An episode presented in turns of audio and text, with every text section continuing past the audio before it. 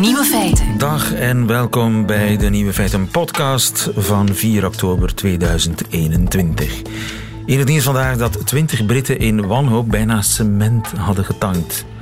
Al meer dan een week leidt Groot-Brittannië onder een groot brandstoftekort. Meer dan de helft van de Britse tankstations zijn leeg. Britse chauffeurs zijn nu zo wanhopig dat ze zelfs tankwagens achtervolgen. En dat ondervond ook trucker Johnny Anderson, die op de snelweg plots een stoet van 20 auto's achter zich aan zag rijden. Een stoet die keurig mee de afslag nam. Aangekomen op zijn bestemming een bouwwerf, stopt de hele stoet. De trucker stapt naar de eerste auto, waarvan de chauffeur het raampje naar beneden draait, en vraagt naar welk tankstation hij gaat. Naar geen enkel was het antwoord. Waarom niet? vroeg de chauffeur. Omdat mijn truck helemaal geen tankwagen is, maar een silo vol cement. 44 ton. De chauffeur werd meteen uitgejouwd. Had je niet even kunnen stoppen om ons te zeggen dat het geen tankwagen was? reageerde de teleurgestelde stoet. De andere nieuwe feiten vandaag, de Nobelprijs Geneeskunde, gaat naar de ontdekkers van de tast en de pijn. Tenminste naar de receptoren daarvan. Op de COVID-Safe-app staat de Europese vlag omgedraaid. En de coronacijfers in de Oostkantons zijn bar slecht. Alex Visorek duikt in het verleden van de veroordeelde ex-president Sarkozy. En Hugo Matthijssen keek naar de koers. Veel plezier. Nieuwe feiten. Het is weer die tijd van het jaar. De Olympische medailles voor wetenschap, literatuur en vrede worden uitgereikt. En vandaag is het de beurt aan geneeskunde. Nobelförsamlingen vid Karolinska institutet har idag beslutat att Nobelpriset i fysiologi eller medicin år 2021 ska delas lika mellan David Julius och Arden Pataputian för deras upptäckter av receptorer för temperatur och beröring. Receptorer voor temperatuur och beröring. Ik kan dat zelfs een beetje verstaan.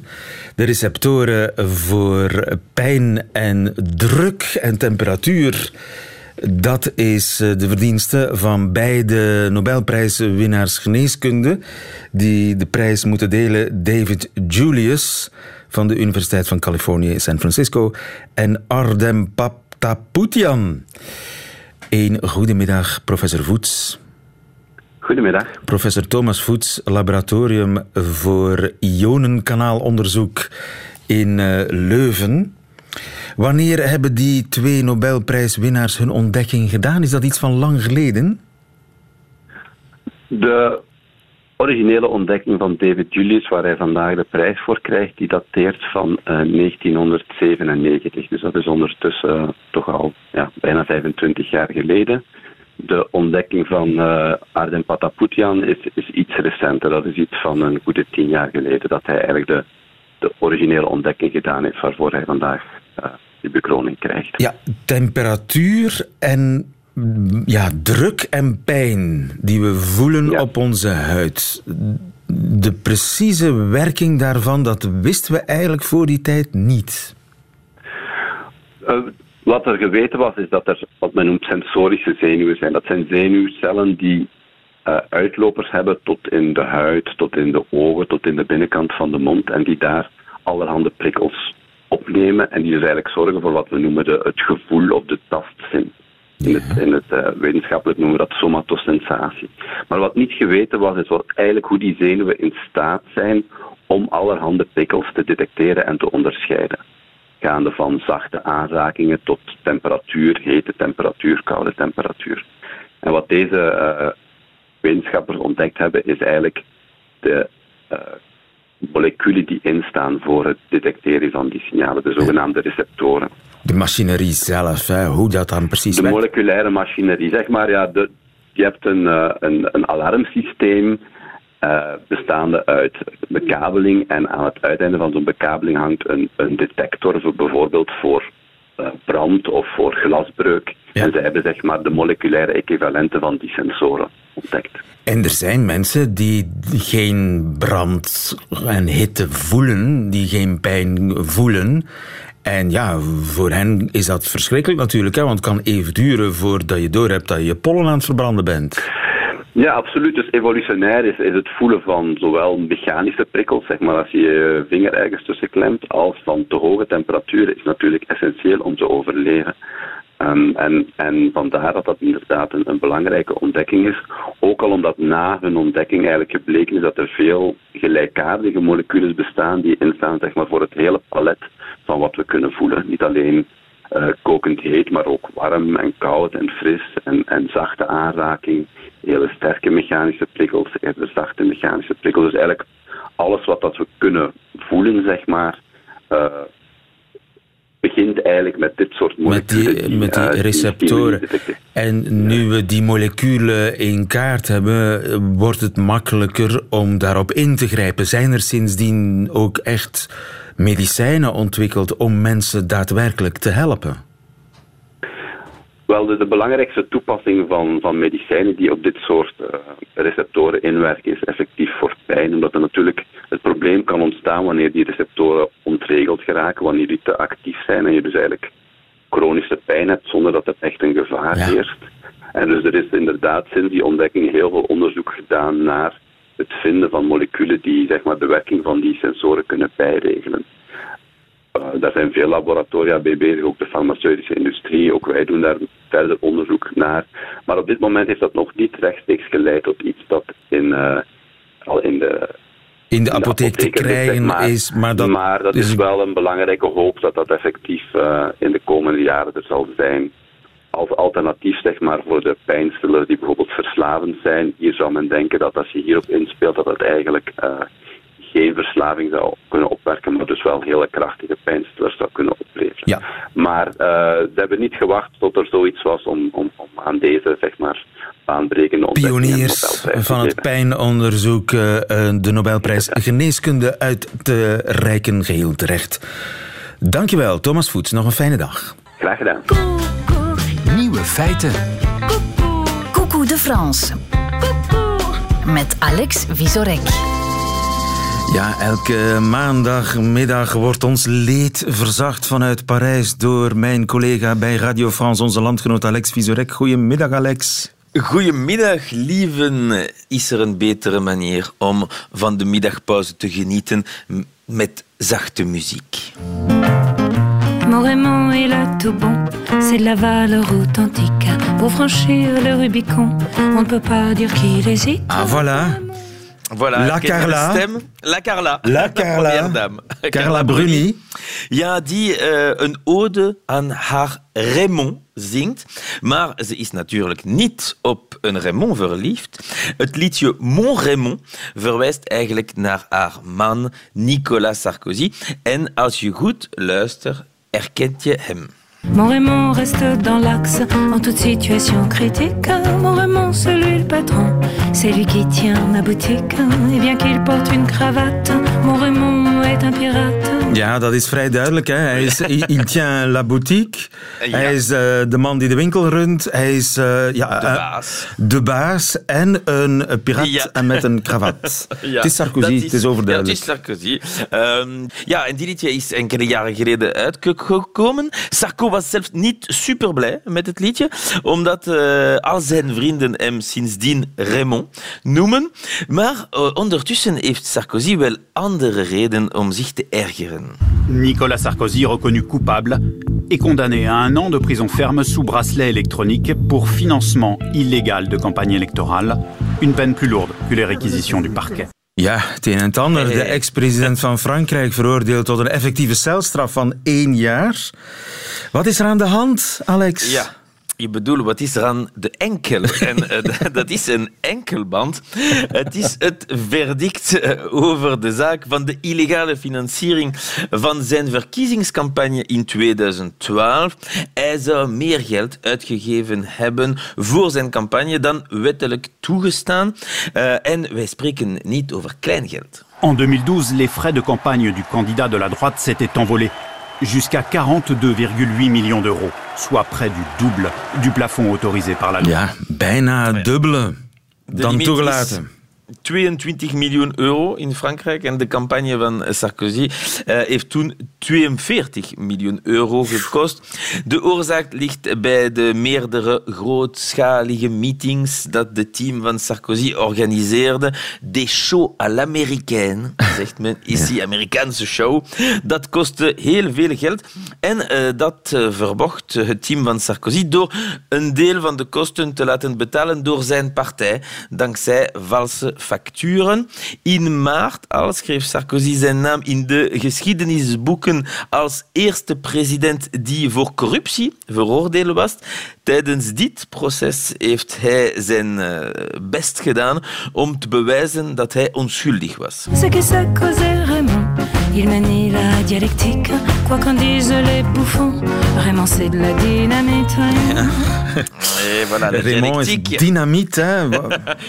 dynamiet is wel ontploft voor onze Sarkozy, want de rechter heeft nog meer straf gevraagd dan de aanklager. Een ex-president die veroordeeld is om één jaar met een enkelband uit te zitten. C'est du jamais vu.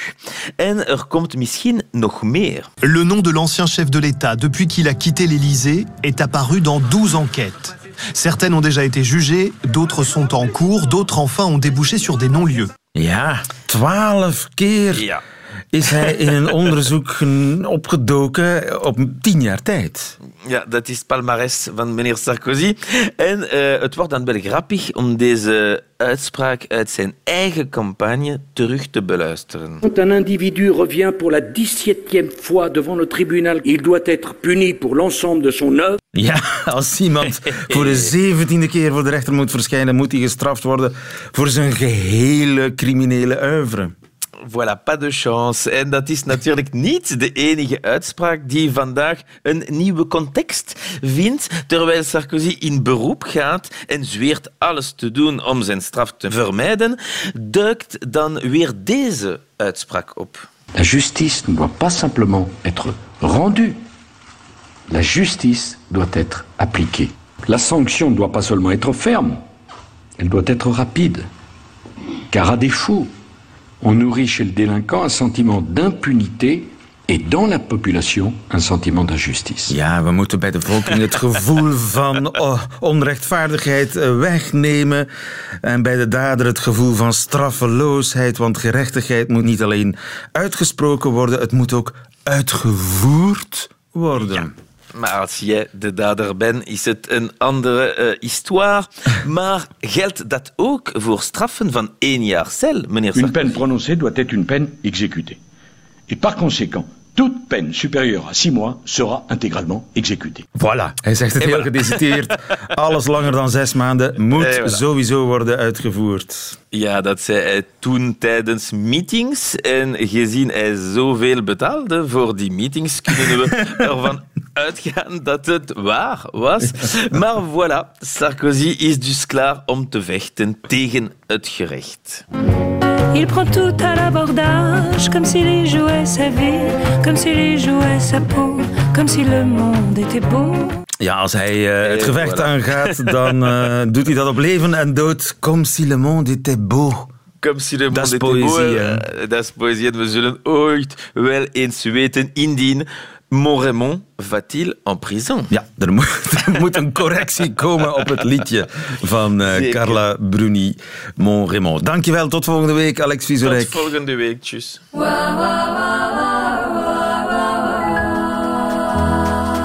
Nieuwe feiten. Mag ik eens uw QR-code zien? Niet eh, om u te checken, want radio luisteren is volledig safe, maar om u iets te laten zien zelf, om u iets te tonen. En daarvoor haal ik er een berichtje bij dat ik kreeg van luisteraar John de Smet. John, in het vervolg je telefoonnummer erbij zetten, dan kunnen we je bellen. Maar John die laat weten, en ik citeer hem, feitje over de COVID-Safe-app. Het EU-logo staat ondersteboven. Gert de Gelder, goedemiddag. Goedemiddag. Je bent van Digitaal Vlaanderen, die eh, de COVID-Safe-app maakt. Je bent eh, bij wijze van spreken de baas van de COVID-Safe-app. De projectmanager. De projectmanager, zo heet dat tegenwoordig. Prachtig, gefeliciteerd daarvoor. Nu, Gert, heeft luisteraar John gelijk? Ehm, ja, John heeft gelijk. Ehm, we hadden het zelf nog niet opgemerkt. Ehm, maar inderdaad, de sterretjes in het logo van de EU zijn een kwartje gedraaid. Dat klopt. Wacht eens even, want ik zat zelf ook naar die COVID-app te kijken en ik dacht eerst, ja, maar waar, waar, waar, wat bazelt die John? Want, die, want het staat in het midden natuurlijk een Belgische vlag. Die vlag kun je ook omdraaien. Is niet gebeurd. Die vlag staat gewoon correct recht. Uh, de kleuren staan oké. Maar het heeft dus te maken met de stand van de sterren van de Europese Unie. Die staan gewoon omgedraaid. Die staan een kwartje omgedraaid. Of, uh, ja. Uh, het Europese sterretje staat mooi recht bovenaan. Het onze heeft een kwartdraai. Ja, dus normaal gezien moeten de, de punt naar boven en de twee Ja, puntjes inderdaad. van een ster naar beneden, zodat die ster eigenlijk rust op haar twee poten. Op twee, zeg maar, en dat is dus niet het geval. De, de ster staat met één punt naar beneden en twee puntjes naar boven. Ja, hoe is dat nu hoe is dat zover kunnen komen? Niet opgelet. Ja. Ehm, ja, we hebben een topdesigner op de app. En ja, dat ja, de artistieke vrijheid heeft hij de app toch iets zachter te maken. Dat sterretje gedraaid, zonder ons eigenlijk iets te vertellen. Heeft hij dat met opzet echt zo gedaan? Nee, nee, nee. Ah, nee. Ehm, het is er eigenlijk per toeval ingeslopen. En ja, niemand tot op heden heeft het opgemerkt. Eh, je moet ook weten, de vaccinaties van de Europese ambtenaren zijn allemaal in Brussel gebeurd, door België. Dus ook elk van die Europese ambtenaren. ehm, Je bent me nu aan het vertellen dat enzovoort. Ursula von der Leyen het zelfs niet gezien heeft. Dus zelfs de commissievoorzitter loopt met een omgekeerde Europese vlag in haar telefoon. Ja, en we hebben ook felicitaties van hen gekregen voor het design van onze app. Dus eh, ja, vandaar dat het op heden nog niet opgevallen is. Ja, je kijkt er snel over natuurlijk, hè, maar John de Smet niet. Nee, Overigens, in de scheepvaart betekent de vlag omdraaien, we worden gekaapt. Ja, maar ze is maar een beetje omgedraaid in een kwartje. Ja, maar als je ze helemaal omdraait, is het ook zo. Hè? Hetzelfde resultaat. hè. Dus het is, je weet zeker dat er geen kaping in, de, in, eh, in, ja, in het Nee, daar ben ik heel zeker van. En trouwens, de sterretjes moeten ook niet gescand worden. hè. Het is de QR-code die Ja, gescand het- moet worden. het Dus gaat- dat helpt. Hè. Het- ja, maar een vlag blijft een vlag natuurlijk. En met een vlag knoeien, dat doe je niet ongestraft. Kennelijk wel, want het heeft maanden geduurd voor eh, een eh, pintere en alerte luisteraar van Radio 1 die omdraaiing van eh, het logo heeft opgemerkt. Wat Mhm. nu, Gert? Ja, en deze voormiddag meteen crisisoverleg gehouden met het team. Ja, begrijp we, ik. we, we, we hebben drie, we hebben drie oplossingen. Eh, de korte termijn is eigenlijk dat, ja, we, de- toch eerst even vermelden, die app is 5,5 keer ondertussen gedownload. Ehm, als we heel snel willen gaan, ja, is het best dat John zijn apparaat ook een kwartje draait. En ik denk dat het daarmee direct opgelost is. Dus, dus dat is één mogelijkheid. En de andere mogelijkheid staat de vlag wel ja, scheef natuurlijk, Belgische vlag. Maar goed, staat de dat vlag scheef, dan krijgen we daar wel dan morgen een opmerking over. Ja. Eh, de EU-vlag zelf aanpassen was ook een suggestie van het team, eh, om het sterretje daar te draaien, maar ik denk dat dat ook niet realistisch is. Eh, er is een unanimiteitsregel. Eh, hoeveel landen moeten daarover beslissen? Dat wordt, dat wordt lastig. Het andere geval is 5,5 miljoen keer de app downloaden terug. Dus dat is ook natuurlijk een gigantische opdracht. Maar we gaan het direct eigenlijk aanpassen, dus om niet flauw te doen. Dus we, waren, we zijn bezig met een nieuwe versie van en die komt live op 18 oktober. En daarin gaan een aantal aanpassingen zitten. Ehm, bijvoorbeeld een filmpje voor min 18-jarigen hoe ze zelf hun certificaten in de app kunnen downloaden. Als ook de PLF zal je kunnen invullen vanuit de app. Hè. Dus je zal je certificaat kunnen kiezen en van daaruit dan de PLF invullen. En we dachten tot daarnet dat dat ja, de belangrijkste wijziging zou zijn in de app. 18 oktober, maar dat wordt dus het juist zetten van de sterretjes. Hè. Met dank aan, eh, aan John, hè? John de Smet. Ja. En dus dat wordt eh, opgelost met een gewone upgrade. Je moet gewoon een update doen van de app 18 oktober en dan staat de vlag 18 weer. oktober, inderdaad. er. En dan zal de vlag terug recht staan. Dat, ik mag ik je van harte feliciteren voor deze bijzonder snelle reactie. Gert de Gelder van eh, Digitaal Vlaanderen. Dankjewel. Goedemiddag. Oké, graag gedaan. Dag.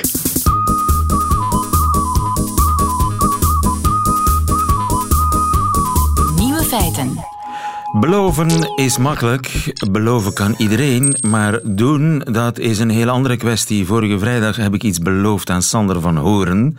Dat is de NOS-man in Brussel, die week na week Nieuwe Feiten ons land ontdekt. En dat klonk zo. Als journalist van een deftig programma met versoepelingen vandaag in België. Toch? Ja. Hoe zit dat eigenlijk in de Duitsstalige gemeenschap? Geen flauw idee. Het is eh, eigenlijk best heel erg dat je dat niet weet. Want eh, heel veel cijfers zegt die Duitsstalige gemeenschap op de eigen website. Heel veel van die corona-indicatoren als besmettingsgraad en dat soort dingen... zijn in eh, de Duitsstalige gemeenschap erger dan in Brussel. Oh. Ja. Dat wist ik helemaal niet. Aan de slag, lieve Van Houten. Ja, dat gaan we uitzoeken, hoe dat zit. Dat hoe dat ik. zit. Ja, dat is mijn excuses. Ja, in plaats van altijd maar naar onze Vlaamse navel te staren, zouden we beter eens onderzoeken waarom de pandemie nog zo sterk staat in de Oostkantons.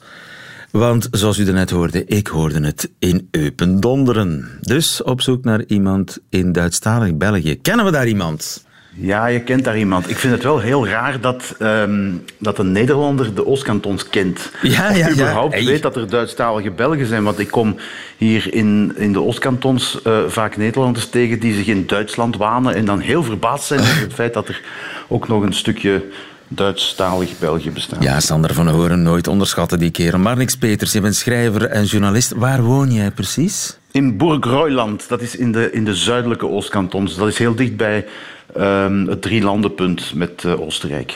Zeg, Eh, Oostenrijk met Luxemburg. Met- Met Luxemburg of Oostenrijk. Het verschil is niet altijd even duidelijk natuurlijk. In Vlaanderen kunnen wij zonder mondmasker op café en zonder mondmasker naar de winkel. Hoe zit dat in dat uh, Boyerland? Ja, m- minder goed. Hè. Het, is hier nog altijd, ehm, het zijn nog altijd de, de maatregelen zoals ze bij ons of, of in Vlaanderen waren tot voor kort. Dus mondmaskers en, en ja, de cijfers zijn heel slecht. De vaccinatiegraad is, is erg laag. En ehm, ja, we hangen er dus weer aan. Oei, ik heb het even gecheckt. Eh, bij ons in Vlaanderen is eh, de vaccinatiegraad 80% Als je de hele bevolking, dus ook de jongeren erbij telt, 80% 92 als je alleen de volwassenen telt. In de Oostkantons, eh, ja, een goede 60% Hmm. Verbaast me niks hoor. Waarom niet? Mij verbaast dat wel. Maar ik zal, ik zal met, met een, een anekdotiek beginnen. Wij hebben ehm, in, in de zomer ook heel veel geleden onder de wateroverlast eh, in ons dorp. Ehm, er is een brug weggespoeld en er is ook een stukje van de, verbindings, de smalle verbindingsweg met het eh, eerstvolgende buurdorp in Duitsland, Hemmeres. Eh, is, is ook een, een, verzakking eh, opgetreden door de wateroverlast. En eh, het, het was al een heel smal weggetje, maar is, het is dus nog smaller geworden en je kunt er amper nog met één wagen door. En dus hebben ze er een stoplicht, eh, zo- zo'n zo'n mobiel rood licht geplaatst. Wat op zich al heel vreemd is, want ik, ik, ik heb een buurvrouw die, die speciaal eh, zich, een, een oude dame, die zich speciaal door haar eh, zoon naar dat stoplicht heeft laten voeren met de auto om het, om het eens te bekijken, want zij had nog nooit een, een, een rood licht gezien in haar leven. Ja, oké. Echt waar, dat bestaat dat, dat zijn van niet. die kenschetsende details. eh, het leven Ja, zoals het is niet, in de, in de Duitsstalige... nadenken. Ik denk dat het, het, het dichtstbijzijnde stoplicht in Malmedy, ik denk een dertigtal kilometer naar het noorden moet staan. Dat Ja. bestaat gewoon niet. Het was mij eigenlijk nog nooit opgevallen. Maar we hadden het Ehm, over de, de vaccinatiegraad, de, dus lage vaccinatiegraad die voor jou geen verrassing is. En toen begon je over een brug. Ja, ja, effectief. Want eh, dus niemand respecteert het stoplicht. Ik ben de enige, als ik naar Hemmeres rijd, ben ik de enige die stilstaat voor het rode licht. En iedereen staat zich ambetant te maken achter mij van rijd toch door. Het is een soort van, van, van ja, eh, eh, gebrek aan burgerzin kun je het niet noemen, maar een gebrek aan gehoorzaamheidsneiging. Jeetje, ik heb wel heel andere ervaringen als ik in Duitsland een zebrapad oversteek terwijl er geen verkeer afkomt en het lichtje op rood staat, dan, dan word ik bijna geliefd door de Je zou, Duitsers. je, zou, je zou net iets anders verwachten Ja. van Duitsstaligen, maar dit is toch een heel eh, apart geval. Ehm, elk verbod wordt, wordt hier toch een beetje eh, op sceptisch onthaald. Ik herinner mij toen, ik denk dat dat een jaar of tien geleden is, dat het, het rookverbod op café is, in de horeca is doorgevoerd. En eh, hier hebben ze toch met gemak nog twee, drie jaar gewoon verder gepaft. Eh, dat is precies, er is een grote argwaan ten opzichte van gezag.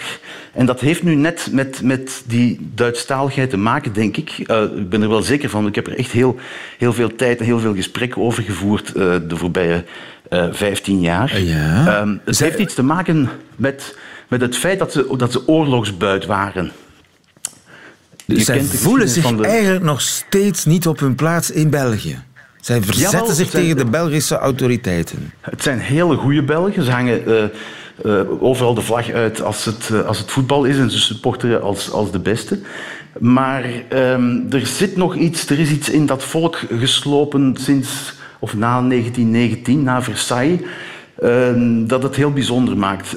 Je moet je voorstellen, die, die landstrook zeg maar, is als oorlogsbuit bij België gevoegd. Wat op zich al niet zo'n aangename eh, zaak moet geweest zijn. Als je, je verliest de oorlog en dan word je buit.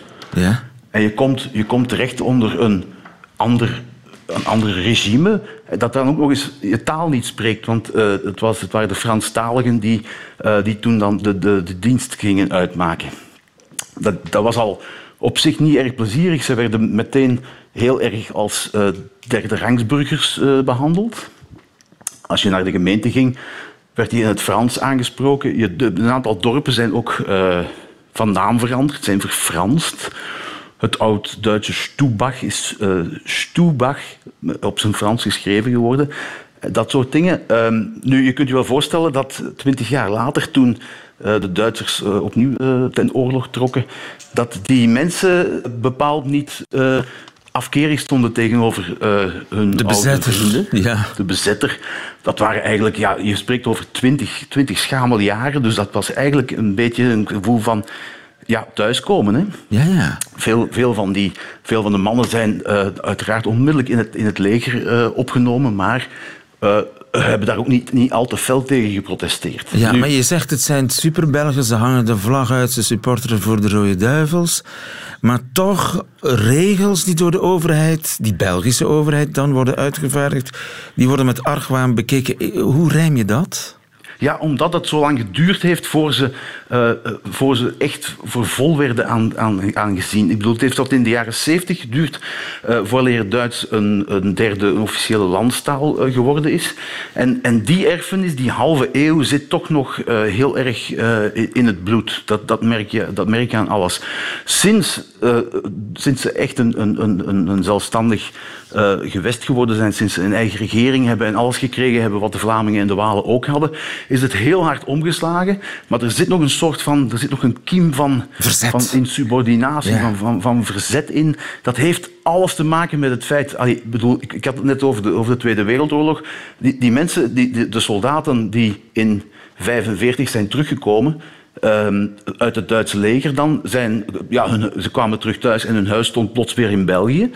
Uh, want de oorlog was voorbij. En ze zijn dan ook nog eens door die Franstalige overheid heel erg uh, voor collaboratie uh, ja. gestraft.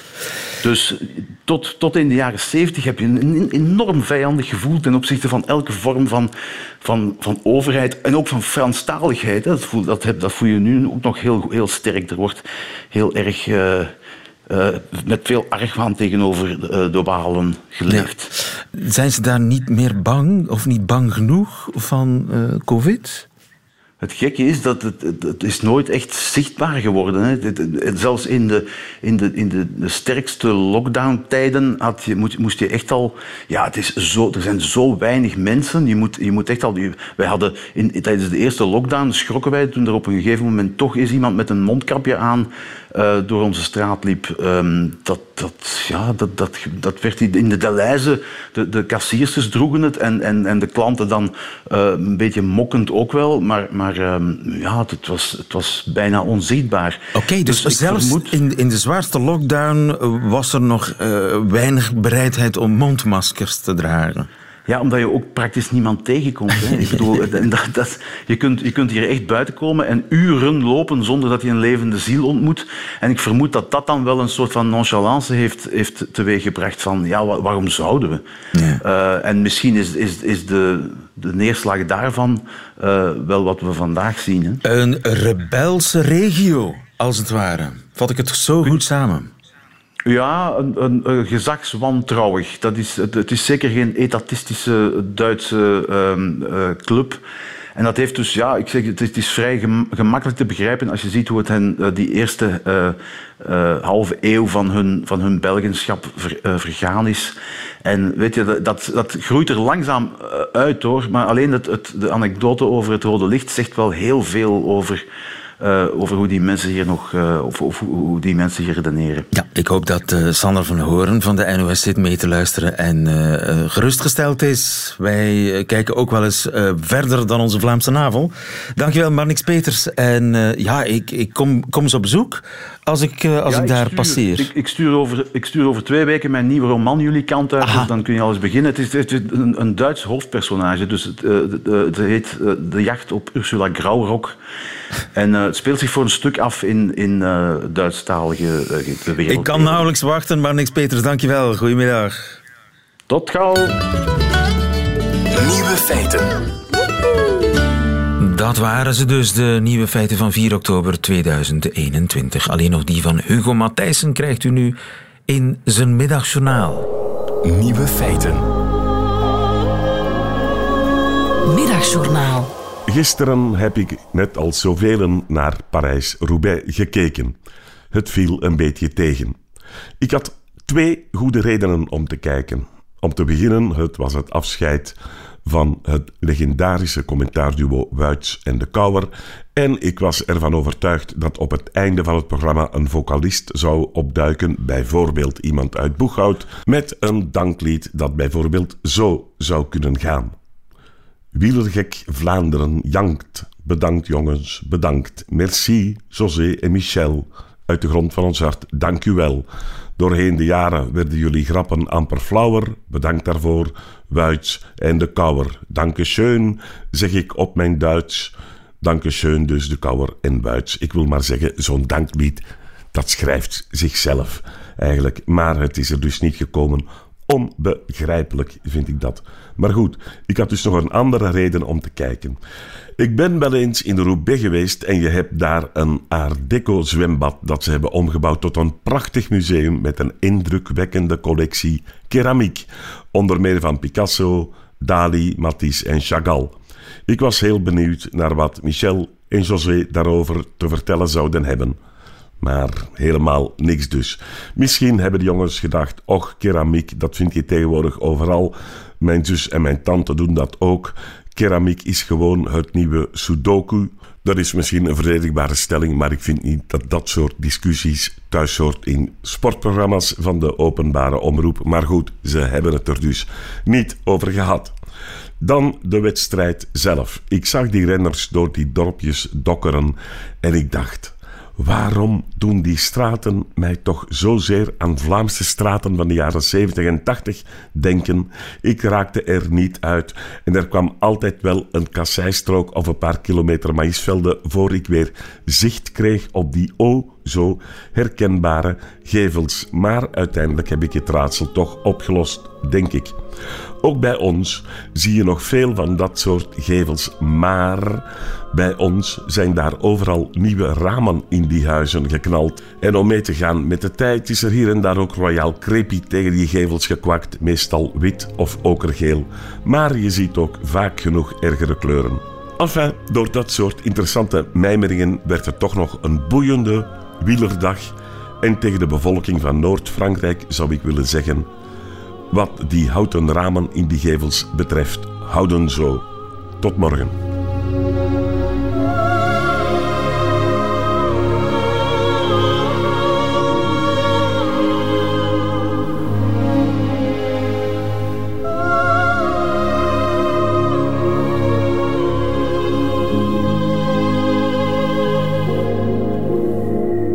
Middagjournaal met Hugo Matthijssen. Einde van deze podcast. Hoort u liever de volledige nieuwe feiten met de muziek erbij? Dat kan natuurlijk ook via radio1.be of via de Radio 1 app. Tot een volgende keer.